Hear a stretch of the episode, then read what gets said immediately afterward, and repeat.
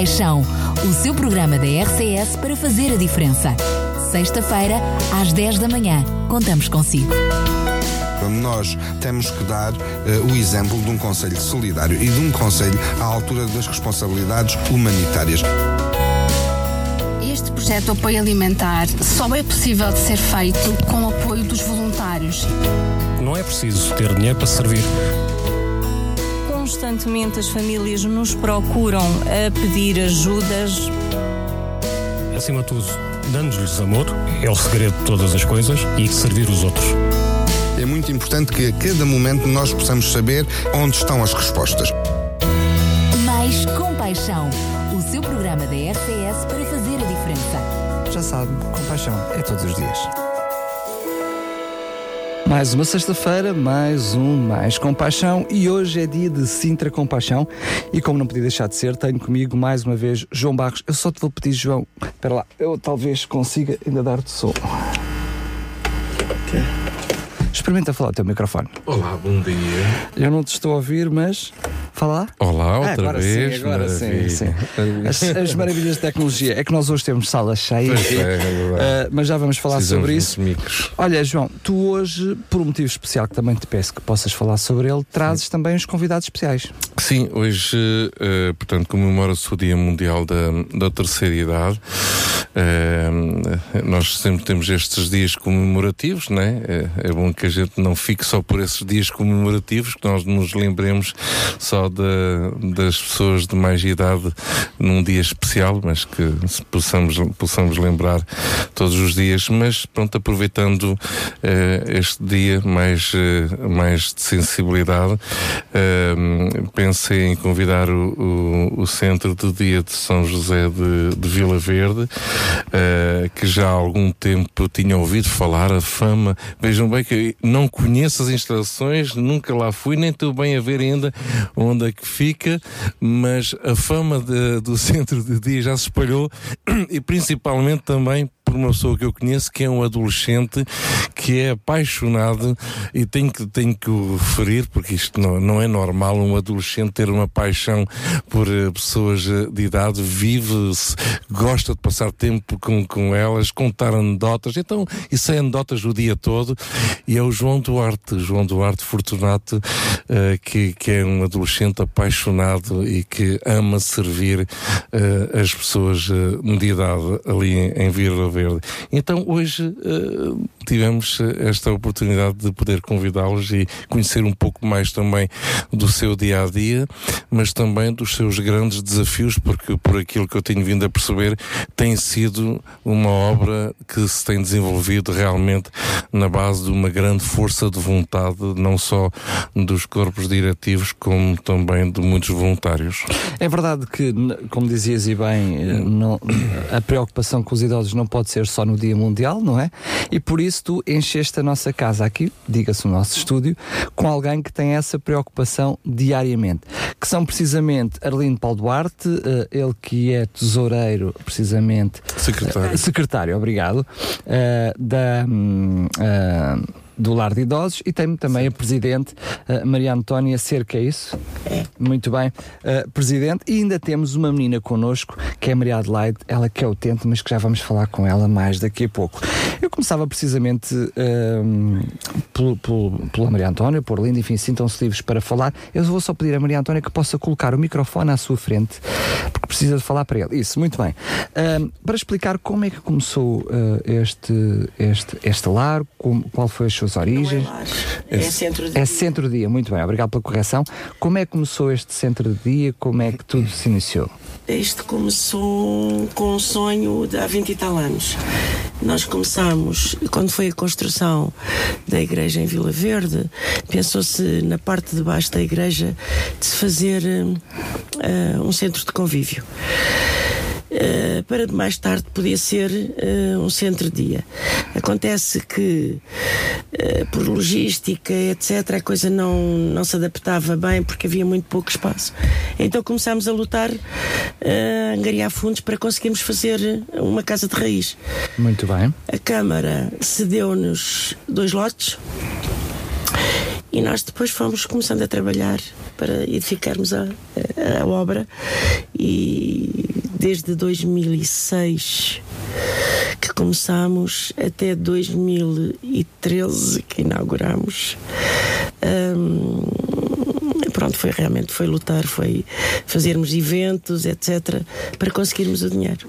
Pronto, com a ajuda da população. Então tem, temos, aqui, temos aqui um, um, um, centro de adolescente, também adolescente. eu. Tem três anos. Tem três anos. Uh, o que é que vai, o que é que um, quais são as, as, atividades, ou seja, o, o que é que esse centro de dia oferece uh, uh, aos utentes de Vila Verde? Pronto, além de nós termos centro de dia e apoio domiciliário. Ah, portanto tem duas valências. Sim, também. temos duas valências. o que é que nós podemos oferecer? Nós oferecemos alguma animação, temos um grupo coral. estamos desesperados por termos uma animadora, porque fui eu que fui fazer com outra colega. Vamos fazer 50 horas de, de, de formação de animação para podermos realmente uh, dar-lhes alguma animação. Mas pelos vistos a animação não chega, é isso? Precisa de uma animadora. precisamos muito de uma animadora porque nós não temos tempo. Há muita coisa para fazer. Imaginemos. Um, nós temos sete funcionários já e precisávamos de mais. Temos muito para puxar, temos uh, eh, 20 pessoas quase lá dentro. Um, permanente estão 18. Mas há pessoas que vão lá almoçar, portanto, que são considerados Muito. quase utentes também. Também, também é? servem refeições, portanto. Recebemos e temos uma série de refeições para fora que nós vamos levar à casa das pessoas. Portanto, neste momento estamos com umas 10, 11 Muito refeições. bem. Enfim, já estou a ver aí que vocês não têm panos para mangas. Eu gostaria de trazer o Arlindo também à conversa. Como é que eh, um centro de dia, eu sei que vocês estão, estão, como acabámos de ver, numa fase inicial, ainda há muita coisa a fazer, imagine-se, mas como é que vocês que tiveram que uh, ser criativos para arranjar meios para uh, criar a própria estrutura, não é? Como é que agora vocês uh, conseguem subsistir? Como é que. Uh, eu sei que vocês se, uh, se, constituíram associação, porque vocês têm, têm sócios também. Sim. Como é que vocês subsistem? com muito trabalho. Só para, para, chegar um pouquinho mais à frente. Oh, pronto, com muito trabalho e muito, muita dedicação de, da população, porque nos recebe sempre hoje, sempre bem, porque nós praticamente quase todos os sábados somos já conhecidos por a venda das folhoses em Vila Verde e arredores arredores. Agora, nesta altura no, do São Martinho, vende-se muito bem as broas que costumamos a, eh, a ter, né, a fazer nesta altura. E, e, pronto, e a população tem ajudado também e, e pronto, e com, uma, com muito com algumas dificuldades conseguimos levar uh, as coisas em frente, mas tem sido um pouco difícil porque neste momento já precisamos de mais uma, uma viatura. Tivemos um problema com, dois, com duas viaturas, mas já se conseguiu ultrapassar esse problema. Mas tem sido muito esforço, um esforço muito grande para conseguirmos dar resposta aos pedidos que temos tido neste momento. É, é, sinal que, eh, para além daquilo que é o vosso trabalho, que é reconhecido, não é?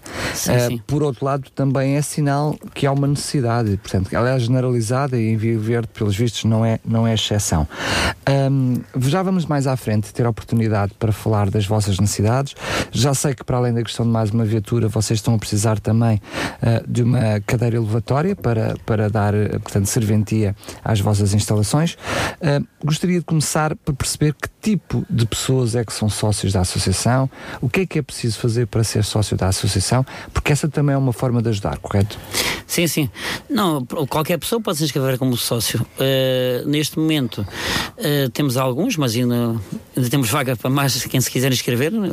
E pronto, a gente necessita também de, pronto, de, de apoio voluntário, que haja mais apoio voluntário que, que isso era muito, muito importante porque temos algumas pessoas que fazem o apoio voluntário. Se isso não, não fosse esse apoio voluntário, nós não conseguimos estar eh, com as portas abertas, porque estarmos a pagar, eh, temos sete pessoas efetivas a pagar ordenados.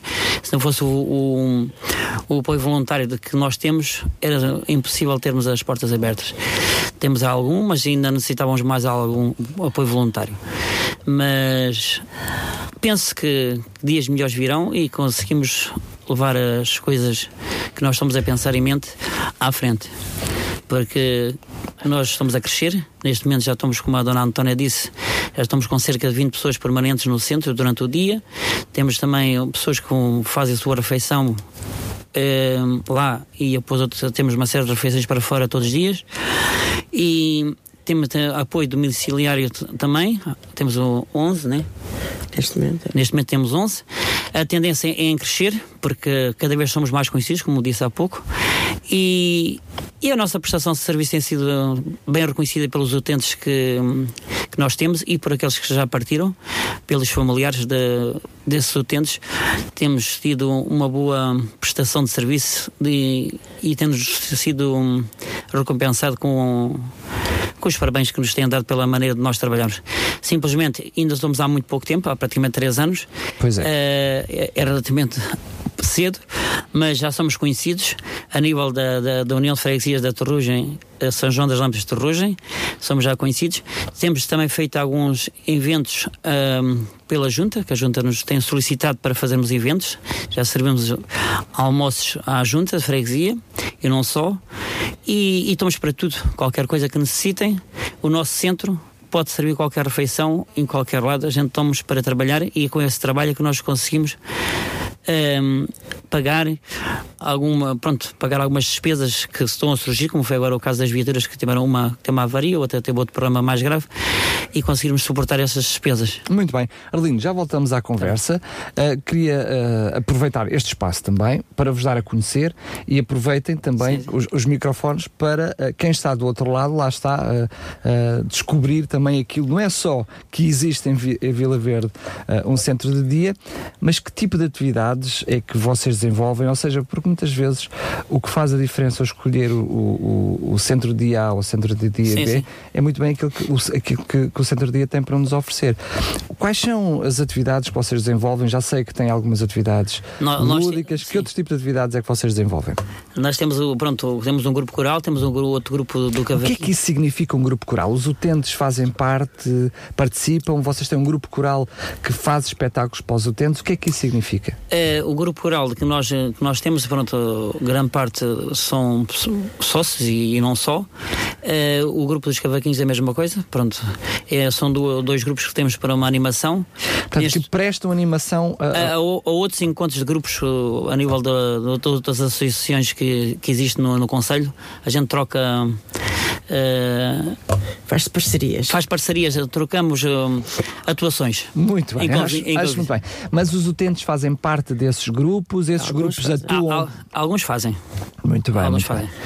Então, e ah, para quem me está a ouvir e até que gostaria de.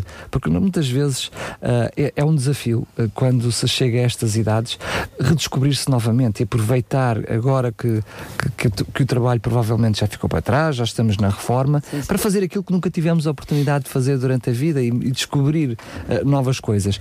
Vocês têm também a oportunidade. Temos aqui a, a Maria Adelaide que está a fugir destas nossas cadeiras com rodas chamarotas. Eu, a Maria Adelaide, eu peço-lhe só que venha para o lado do microfone, está bem? Uh, Forcinho, já vamos falar com a Maria Adelaide. Ela é uma utente e vamos ouvir na primeira voz aquilo que é a experiência dela. Certamente servirá também para entusiasmar outros que nos estão a ouvir. Mas continuaria com a Maria Antónia. O que é que. uh, que outro tipo de atividades é que desenvolvem? Ah, por exemplo, jogamos bingo, é É, isso. mo- sim, exatamente. Ou seja, quem, o utente que vai à vossa atividade, ou seja, que me está a ouvir agora e que possa pensar duas vezes assim, eu se calhar é, um- é um- é uma, é uma solução para mim, o que é que, vai- o que, é que passaria um dia a fazer? Pintura, bingo, Xadrez. ah, xadrez, não, estamos lá, mas ninguém sabe jogar. Ah, por acaso, ah, nós temos cartas e assim, mas não é um sítio onde ninguém queira jogar às cartas, pois não. Pois também não sei porquê, mas não querem. Pronto. Pô, Provavelmente esperam ter outro tipo de atividades eh, no centro de Ah. Não dia, sei. né? Ah, temos bowling, setas. ah, Portanto, Acaba por servir como um centro de convívio, Convívio. da qual, Sim, sim, sim, da- qual tem também eh, especialistas e, e- e técnicos que dão apoio, servem as refeições. Funciona mais ou menos entre que horários? Uh, nós estamos abertos das 8 e meia da manhã. Nunca temos horas de fechar. Pois, eu imagino que Eh, porque utentes assim- como a Maria Adelaide seja difícil pôr na rua, não é? Ou seja, eles querem não, ficar esta e ficar. até vai cedo, coitadinha. Cinco e pouco vai-se embora. Mas temos pessoas que trabalham e vão só lá buscar eh, os familiares Mais tarde. seis e meia, sete horas. Muito bem. Vamos então. E estamos abertos todos os dias, sábados e domingos. Muito bem, muito Sempre bem. abertos. É, 24 não é 24, são 24 horas, mas Quase. é, mas é quase. Quase. Muito bem, agora sim. Vamos a vir a, a- a nossa menina Maria Adelaide, que está aqui Ai, também menina. quando. Ai, menina! Ai, que bom. Maria Adelaide, ah, como é que é estar no centro de dia? É muito bom. É muito bom porque É muito bom. já vimos, mas é bom porque porque é que gosta de lá estar? Porque é um convívio. É um convívio. Bom, Bom, e o que é que lá faz? olha. Como? Muito, muito bem. Rua. Sim, Sentada. sim. Vai. E converso Conversa com outras, com, com, com com outras. colegas. Ora, já há um bocadinho ouvimos falar no João e, e a Maria Adelaide falou logo no João. Como é que é ter esses, esses adolescentes que, que estão convosco e que vos acompanham? O João é muito bom. É tudo muito bom. É muito bom, o João. É bom camarada. Conversa com a gente. Diz a sua graça. Conta muitas anedotas, não é? E contando toda a gente. Olha, eh, eh, Maria Adelaide, era importante haver outros jovens que pudessem, eh, como o João, se voluntariar para estar lá Pois convosco. é, mas eles é que não aparecem. Eles é que não aparecem. E se nós aproveitarmos estarmos aqui ao microfone para pedir para eles aparecerem? Seria uma boa Era ideia. bom, era bom. Era bom, não era? Então, para si que me está a ouvir e que até é daquela zona e muitas vezes gostaria de ajudar e não sabe como, por que não? Ah, bater às portas do centro de dia e dizer: Olha, eu gostaria de passar aqui uma experiência como voluntário e ajudar naquilo que é preciso. Ah, não sei se a, se, a- Maria Antónia, se o que tipo de atividades é que ah, vocês ah, podem ah, dar a quem, a quem se quer voluntariar? Ou seja, o voluntário pode ajudar aonde? Imagino que em tudo, Olha, é? hoje o voluntário pode ajudar, por exemplo, a acompanhá-los cá fora no jardim a dar uns passeios. Nós temos muita dificuldade de tempo, porque hum, não é bom eles estarem todo o dia praticamente sentados, embora eles não gostem nada de andar. Nós obrigamos a dar uma voltinha e não sei o quê. Se houvesse eh, uns voluntários que, os, que dessem os passeios com eles, etc., não é? Hum, depois fazerem pequenas animações, porque há muita coisa que, que eles podiam fazer. Nós temos eh, umas bolas grandes que, que, que podiam jogar um bocadinho com eles, temos o bowling. Hum, há muita coisa que eles podiam realmente. Na realidade é mais ajudar. um acompanhamento, não é? É mais um acompanhamento, exatamente. exatamente. Um apoio. Um apo- Não, é um grande apoio, não é? Pois. Porque na realidade quem procura um centro de dia é exatamente para não estar fechado em casa, não é? E, e- e não, é, não é só o apoio, mas acaba por ser a companhia, não é? Acabámos por ouvir aqui a Maria Adelaide falar na importância de, de- de falarem uns com os outros, Claro, de estarem na claro. companhia um dos outros.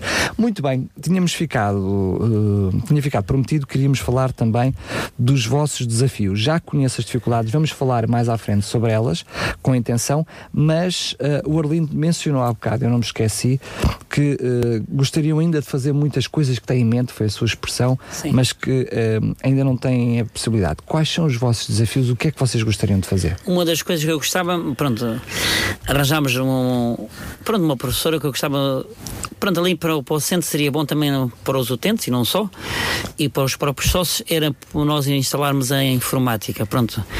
Uh, pronto, termos uma professora de informática seria bom porque hoje praticamente quase toda a gente gosta de trabalhar com, com o computador. Orlindo, mas hoje em dia arranjar uma professora de informática, uma menina de 10 anos, pá, já dá a lição a muita gente. Ah, seria, ou seria bom, seria muito bom.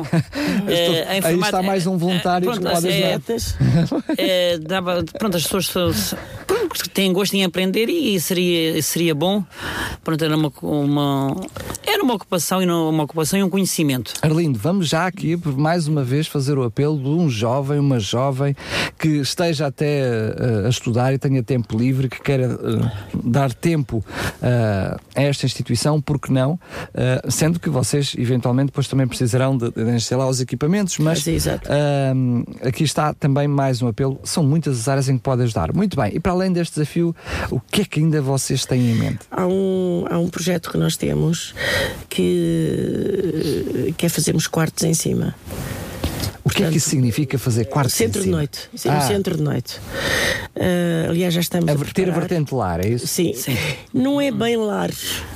É, por exemplo, As os férias. familiares, Vão de os familiares vão de férias, Ah, tipo vão fim de semana é? eh, e terem um sítio onde eles possam realmente ficar uma noite, duas noites, eh, 15 noites, mas não com, exatamente com a característica Já percebi, de, já percebi. de lar, não é? É uma noção que confesso que eu não tinha. Centro de dia é uma noção pública, centro de noite é uma noção que eu não tinha. Mas muito bem, está Sim. percebido. Portanto, já estamos a preparar as coisas eh, para fazermos o pedido à Segurança Social para conseguirmos realmente fazer um, um centro de noite. Porque assim, nós em cima temos vários gabinetes, porque quando nós fizemos, construímos, éramos para ser em cima um ATL. Só que a escola oficial abriu o ATL e, portanto, deixou de se justificar Deixou de ser uma necessidade. Portanto, uma de- necessidade, bem. exatamente. E então, eh, como tínhamos vários gabinetes, eh, conseguimos pelo menos fazer uns 5 quartos lá em cima. E provavelmente com o número de utentes que vocês têm acaba até por ser al- algo Sim, suficiente, por é? ainda temos uma sala grande se for necessário fazer-se camarata ou coisa assim no género, pronto. E então estamos realmente, mas ainda não podemos desenvolver sem a Câmara nos dar a licença de ocupação para nós podermos pedir à Segurança Social eh, essa valência também E, é- de, e- de e- de são, são, são coisas Porque muito no, no burocráticas, Conselho é? só há um que abriu há pouco tempo, não há mais centros de noite. Pois, eh, eu confesso que estou a ouvir pela primeira vez esse conceito, eh, o que faz, que faz muito sentido. Muitas vezes não pensamos, não pensamos, eh, lá está, que só quem, quem- quando passa pela necessidade é que se lembra Claro, disso e- e, claro. vocês Me- que me- estão no terreno. E mesmo os próprios utentes que estão lá durante, o, de- pronto, durante os dias todos, Queriam lá ficar connosco noite. quando, os, quando os, os familiares vão de férias ou ao fim de semana que têm que, se, pronto, têm, têm que sair, gostam, de lá fica- gostam, gostavam lá de Gostariam ficar. de poder É. ficar. O que faz todo o sentido, não é? Mas já estão habituados. já estão habituados a- às, pesso- a- pronto, a- às pessoas e Mas acaba, por conhecem ser as um, instalações. mas acaba por ser um dois em um, ou seja, Sim, os sim. próprios utentes eh, acabam por não se privar de até ao fim de semana Exato, poderem estar. exato, exato, porque, exato, eh, exato. se, os, se os familiares não estão, não os podem levar, não os podem ir buscar. Sim. E por outro lado, os familiares têm até alguma liberdade se quiserem passar algum fim de semana fora. A nossa ideia também será essa. Portanto, é uma ideia fantástica. Muito Porque, porque já tem acontecido. perdão. Já tem acontecido quando os filhos vão de férias. Eles terem que se deslocar para, para, outros, Para outros para outros lares e não é a mesma coisa. Eh, Pronto, não se- como estão, estão habituados ali, Claro. sentem-se bem ali durante o dia, também se sentem-se- sentiriam-se bem durante a noite. Claro, claro. E, mas pronto, como têm que os filhos têm bom, pronto, têm que bons de férias e eles têm que ir para algum lado. Com Mas certeza. pronto, mas ali é que, se- que, ali é que se sentem-se bem. Já Mas- temos praticamente o equipamento. Pouca todo, coisa falta, e muito pouca coisa falta. A Só mobília praticamente está pronta. autorização. Bem, eu acho que para além da autorização percebemos também que se querem levar os utentes É. do resto chão para o primeiro andar precisam também da cadeira elevatória. Exatamente. Aí, aí, aí é o ponto. Aí Aqui é o é ponto isso principal. mesmo. Aqui é isso fica mesmo. também o nosso apelo. Essas cadeiras certamente não são ah, muito dispendiosas, mas são muito caras. Ou seja, sobretudo para vocês. são. Para nós são. É o que eu estou a para dizer. nós Sobretudo é. para vocês que estão neste momento com os tantos desafios pela frente. Sim, já temos, Já à volta dos 6 mil, 6 mil e poucos euros. já, que é temos, que- já o- temos orçamentos. É, à, à volta de 6 mil e qualquer sim, coisa. sim. É. Muito bem. É, as pessoas que nos estão a ouvir podem ah, ah, e queiram ajudar a, a vossa instituição e, sobretudo, ah, porque quem está do outro lado dos, dos microfones gosta de ter coisas concretas, ou seja, ajudar a instituição fica uma coisa muito vaga. Mas quando falamos, por exemplo, de vocês precisam de apoio específico para uma nova viatura e precisam de apoio, específico para uma cadeia elevatória, já é alguma coisa de concreto. O que é que as pessoas, como é que as pessoas podem ajudar, mesmo que queiram ajudar financeiramente?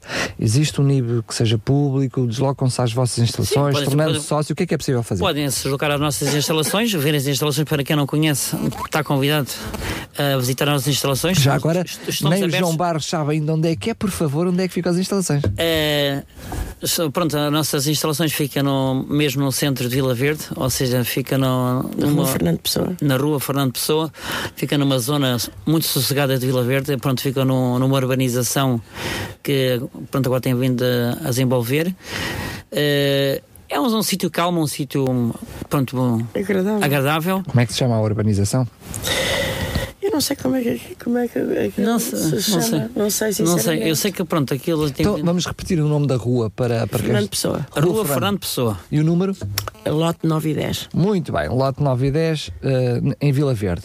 Ahm, estava eu a dizer, vocês têm algum tipo, um site, Facebook, Temos. alguma sim, coisa? sim, temos, onde- temos, temos. Muito bem, vamos dar esses contactos. É essa a forma que as pessoas têm, por exemplo, de conseguir o vosso NIB para vos poder ajudar? Pode ser. eh, Também. e- Também, e- Também. E, não podem ser dirigir à Secretaria do, do Centro. Temos uma, para- para- como eu estava a dizer, nós estamos abertos de segunda a domingo. Não fechamos, praticamente só fechamos no dia de Natal. Natal, Páscoa.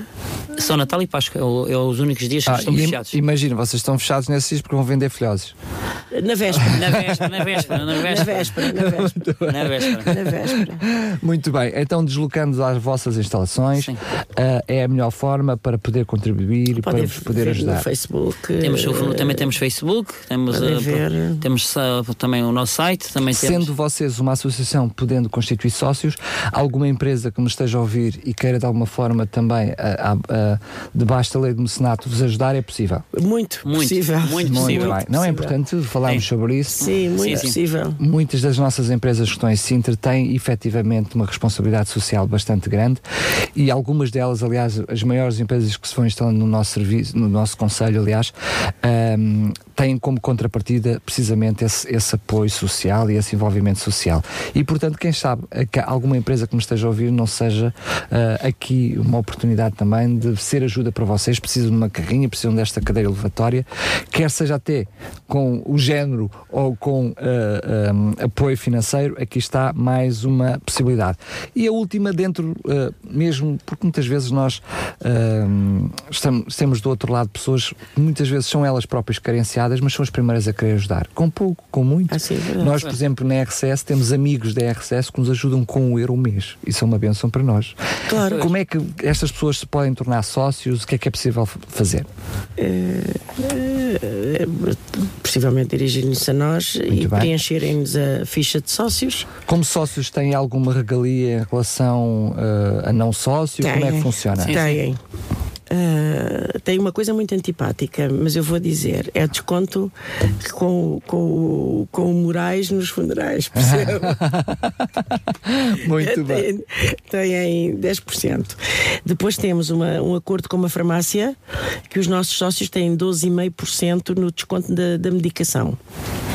Que isso é. Geral, com receita, tanto em diferenciada. Não É- importa, se é for geral, com é. receita terá mais desconto, não é? Porque as É receitas. cumulativo. Se não, eh, podem. Muito bem, muito bem. Podem, eh, portanto, nos pedir simplesmente, telefonicamente ou não. Muito bem. Têm é que ser sócios. A nossa cota hum, vai desde um euro e depois é, é é facultativo. Temos pessoas que querem dar mais, outras que ficam no euro, portanto. Oh, mas, oh, Maria António, isso é um grande negócio. Eh, eu penso que numa primeira, só numa receita, paga a cota. buscar. Paga a cota. É verdade, só- sim, sim, só- é verdade. É um bom negócio. É. Aqui está algo bastante Mas eh, eu diria que o a principal razão de quem quem se faz sócio ou quem eh, se liga dessa forma eh, à- ao centro de dia tem mais a vertente de querer ajudar e ser útil do que propriamente beneficiar com isso. Mas hum, aqui está mais uma oportunidade, são muitas as oportunidades de, de vos poder eh, ser úteis. Queria relembrar que- o apelo que já fizemos no princípio, também para o voluntariado, aqueles que puderem eh, e quiserem dedicar tempo para estar com estas meninas como a Maria Adelaide, que está comigo aqui em, em estúdio, são bem-vindos. Estamos a falar eh, de uma animadora social que vocês estão eh, a precisar com, Com, com urgência. E também alguém que possa vir a lecionar, ser um professor de informática, até pode ser eh, um jovem adolescente. Disse-me que vocês têm algumas atividades de exterior, significa que vocês também têm nas vossas instala- instalações um espaço exterior? Ou vocês dinamizam atividades onde levam os vossos utentes? Como é não, que funciona? nós temos também um espaço, temos um espaço exterior, mas normalmente, por exemplo, eh, levamos agora, fomos ao piquenique do, do Coração Amarelo, Do Coração Amarelo, levamos, eh, infelizmente não podemos levar muito mais, mas uh, se a Câmara faz, faz alguns eventos uh, para a terceira idade, nós costumamos sempre levar e, e, portanto, acompanhar. Por isso, vocês estão neste momento também a necessitar de outra viatura para poder dar resposta a todos os utentes que têm. muito é? uma viatura de nove lugares, e especialmente uma adaptada para cadeira. Isso é era essencial, mas pronto.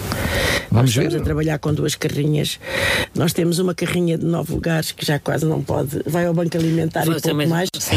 Deve ter, já tem para aí 50 anos. um, e depois temos outras duas carrinhas que é que, que, está a fazer os transportes com os utentes, mas são só de cinco lugares. Mas, oh, Maria Antónia, isso é fruto de uma instituição que está a crescer a pulso por sim, sim. muita carolice de, da vossa parte e, portanto, também é um processo lento estamos a falar de três aninhos, não é? Há bocadinho estava a dizer era adolescente, vocês ainda estão a anos-luz de, de ser sim, adolescentes, sim, não é? Sim, estão agora a largar a maminha, portanto, o biberon uh, é sinal que com paciência uh, se vai crescendo. Mas é preciso parcerias, é preciso.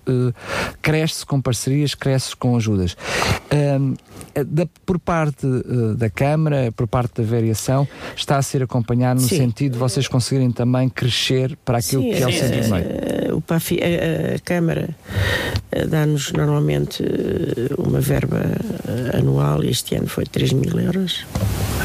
Muito bem. A, Câmara, a Junta também, também nos deu. Uh, mas pronto, mas é realmente muito pouco para nós. Isto não é nada, não é? Eu acredito que também não haja dinheiro, a Junta também tem muita dificuldade, porque também são muitas instituições que está tudo a pedir. Imaginemos, claro. Claro. De maneira que, pronto, o nosso grande problema é que nós, nós somos obrigados a fazer as captações segundo as reformas das pessoas, não é? Uh, mesmo não tendo subsídio, mas não podemos uh, ir além uh, das possibilidades. E sabe que nos meios rurais, como é que são as reformas das pessoas, não é? Claro. As pessoas têm 200 e tal euros de reforma, têm, nós temos pessoas lá, estão ali todo o dia, pequeno almoço, nós servimos pequeno almoço, almoço, lanche e mandamos sempre sopa para casa ainda, para eles terem, e pagam-nos 150 euros. Pois. Imaginemos. Alguns, é? Pois, e vocês não têm nenhum tipo de, de, de, de ajuda. E ainda têm que pagar uh, os técnicos todos, imaginemos que sim, e cada vez mais são mais exigentes. Mais exigentes, uh, com, exatamente. Com aquilo que exatamente. é não só os técnicos, mas sobretudo também com os próprios equipamentos claro, e estruturas claro, que obrigam claro. adaptações. Nós entendemos essas coisas todas. Mas um, uh, eh, em Vila Verde, quer queiramos, quer não, acaba por existir algum tipo de resposta e vocês acabam por ser mais uma resposta complementar a outras que já existem.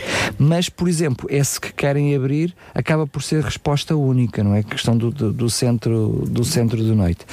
Um, para além daquilo que são as dificuldades já mencionadas da vossa parte uh, e que aqui também já trouxemos aos nossos microfones, a nível de estrutura, há algum tipo de apoio que vocês ainda precisem de alguma uh, empresa que possa não ajudar com meios financeiros, mas com mão de obra ou com uh, géneros que possa ajudar ainda em algum tipo de adaptação, construção? Vocês não, têm tudo é... finalizado já neste momento? Construção, sim. Quer sim, dizer, sim. se nos fechassem aquela parte para podermos. Na, a sala de refeições está a ser, está a ser muito pequenina e temos um espaço que fechássemos com marquise, aquilo era, era o ideal. Era uma é? ampliação da sala. A junta já hum. nos fez o chão, pôs-nos o chão, mas falta fechar.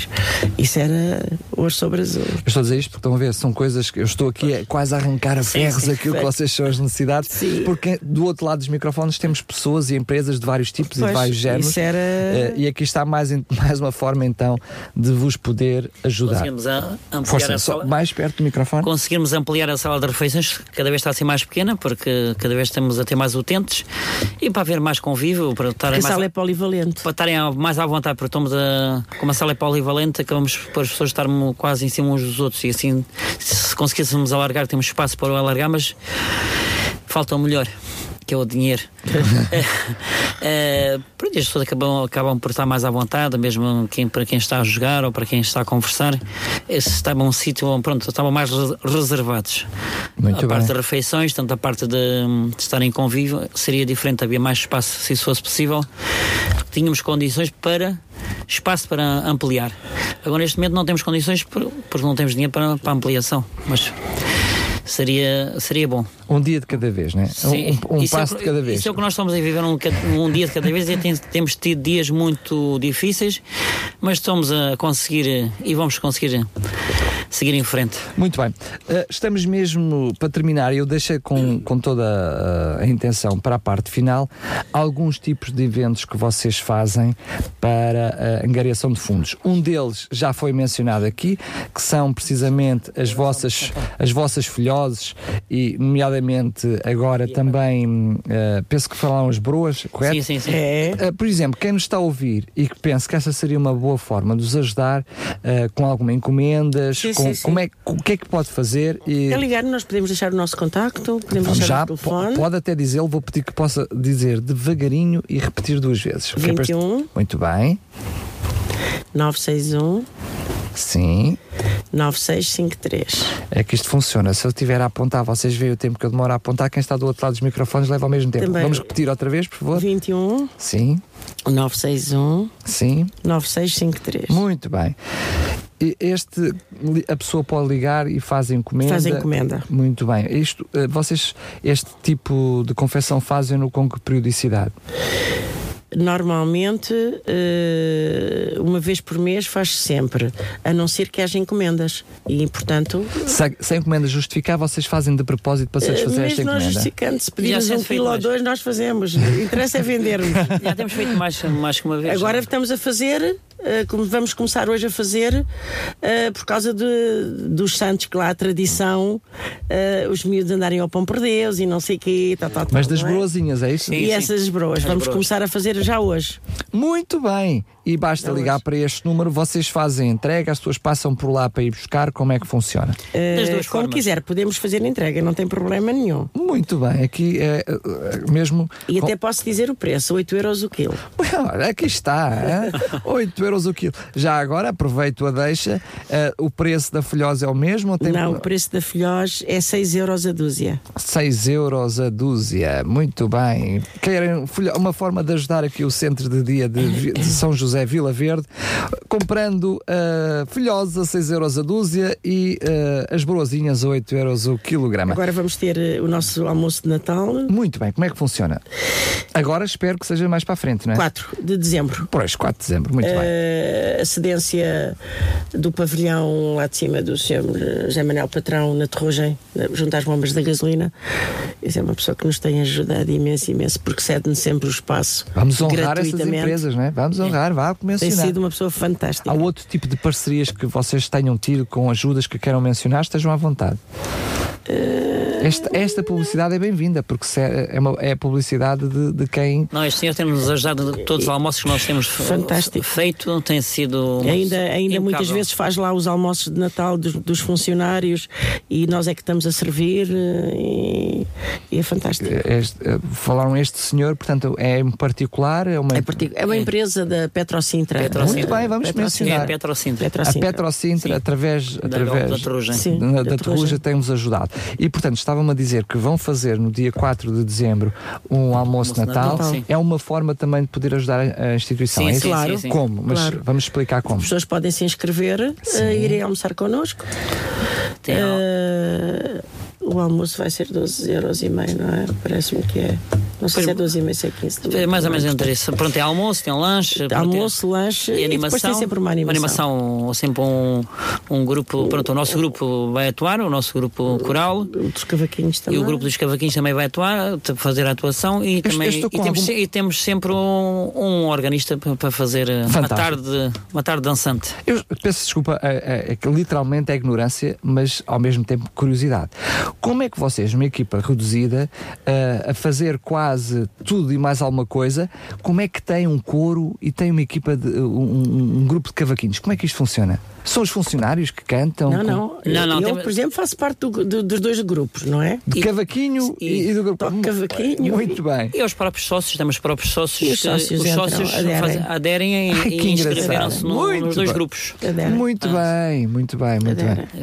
Fantástico. Agora está. está Também, está- tem- também temos o, um, também temos outra atividade, pronto, atividade no, no sentido de, de- de- pronto, temos utentes que fazem piscina, Ah, é verdade. temos utentes que Levamos- fazem temos, levamos- uh, à piscina, Levamos ali à piscina de Oressa uma vez por semana, levamos os, Os eh, utentes. Temos utentes alguns. à à piscina. piscina de Oressa, também temos a, essa, essa Ainda bem, atividade. que- Não me ainda, bem que o lembrava Arli- disso. ainda bem que o Arlindo se É, lembrou. te- temos essa À atividade também. sexta-feira. À sexta-feira. O espaço é que já Quer dizer é- que hoje estou-vos a furar a piscina. É. Eh, Hoje à tarde, às, Ah, tre- é, às tá. duas e meia. Muito bem, eh, muito O bem. à espaço de, de- de- pronto, que nós temos no, no carro é, já está no limite. Se, se tivéssemos mais carros, mais, neste caso mais carrinhas, conseguimos levar muito mais Quer dizer, gente. o número de vagas acaba por estar sujeito ao transporte. É, ao transporte. Infelizmente, É, infelizmente. Porque o número, de- o número de pessoas que querem ir à piscina era superior ao. Então, e ao aqui que a nossa Maria Adelaide, aqui a nossa Maria Adelaide vai à piscina? Não vai.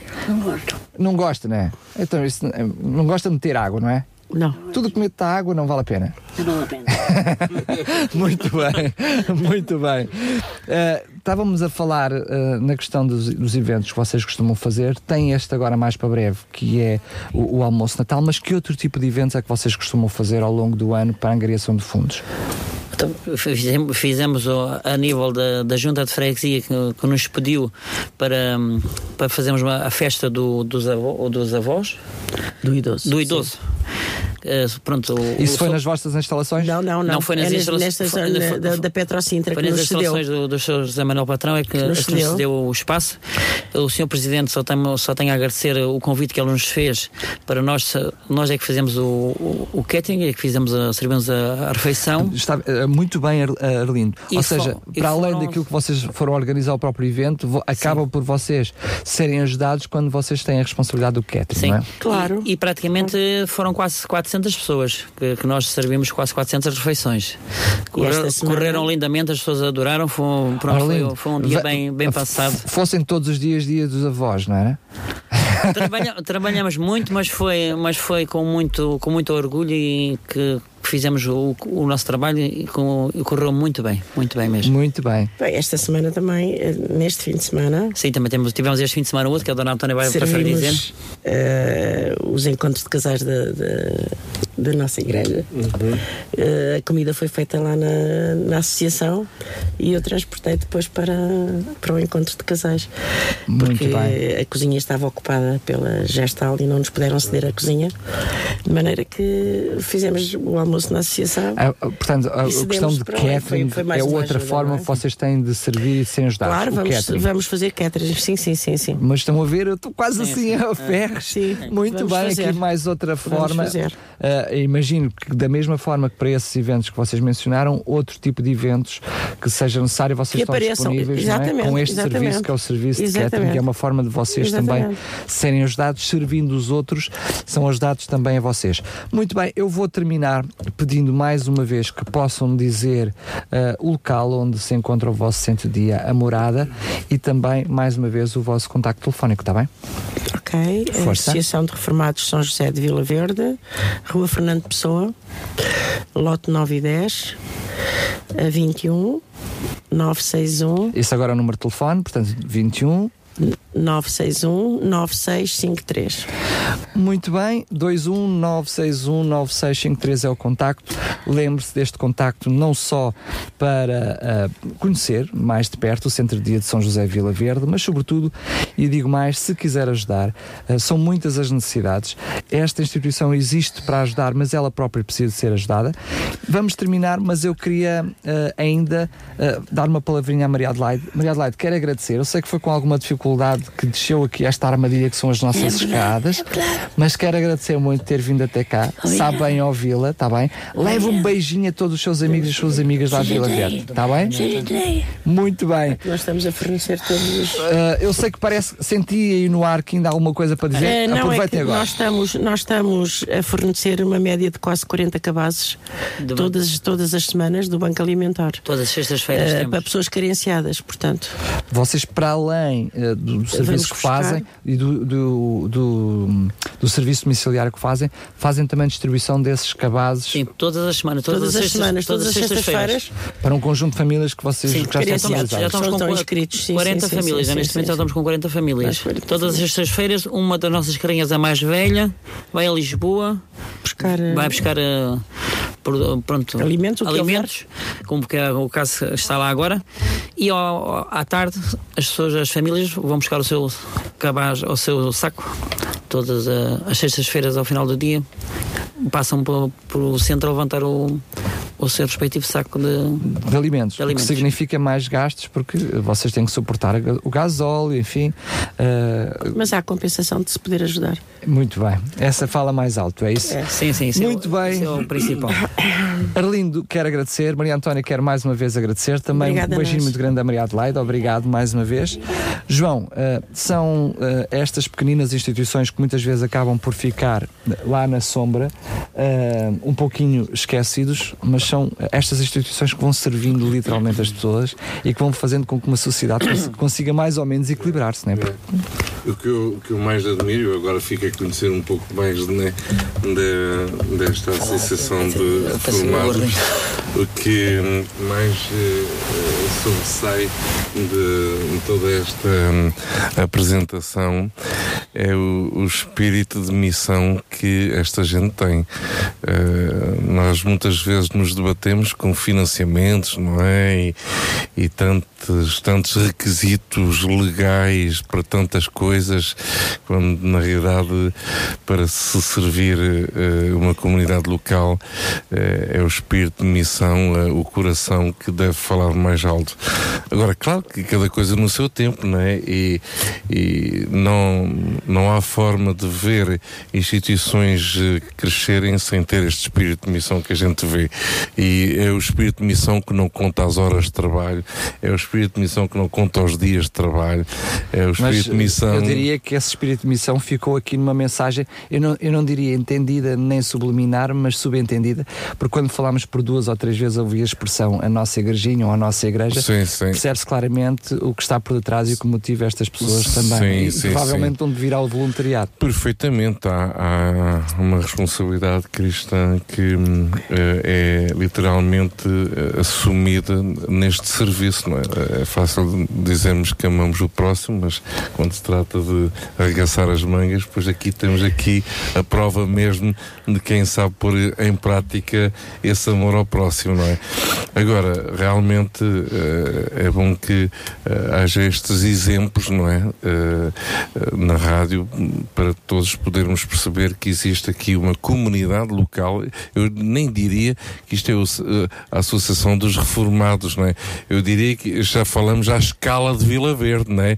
É, é toda a gente ali em Vila Verde que sabe uh, isto, isto tudo começa por uma coisa, é comer uma filhós, estou a brincar. Estou a brincar. começa com uma, como uma filhós e acabou-se, ficou apaixonado por, por este trabalho. Portanto, eu dou graças a Deus por este, este trabalho. Agora sim, despeço-me agradecendo mais uma vez a vossa presença. Muito obrigado, dizendo que as portas daqui da rádio não estão abertas, estão escancaradas. Façam chegar as vossas iniciativas para nós também podermos okay. divulgar. Está bem? Muito obrigada. Já sabe, como costumo dizer, chegou ao fim mais um Mais Compaixão, mas mais compaixão. Esse é todos os dias. Mais Compaixão, o seu programa da RCS para fazer a diferença. Sexta-feira, às 10 da manhã. Contamos consigo. Nós temos que dar uh, o exemplo de um Conselho solidário e de um Conselho à altura das responsabilidades humanitárias. Projeto de apoio alimentar só é possível de ser feito com o apoio dos voluntários. Não é preciso ter dinheiro para servir constantemente as famílias nos procuram a pedir ajudas. Acima de tudo, dando-lhes amor, é o segredo de todas as coisas e servir os outros. É muito importante que a cada momento nós possamos saber onde estão as respostas. Mais compaixão. O seu programa da RTS sabe, compaixão é todos os dias.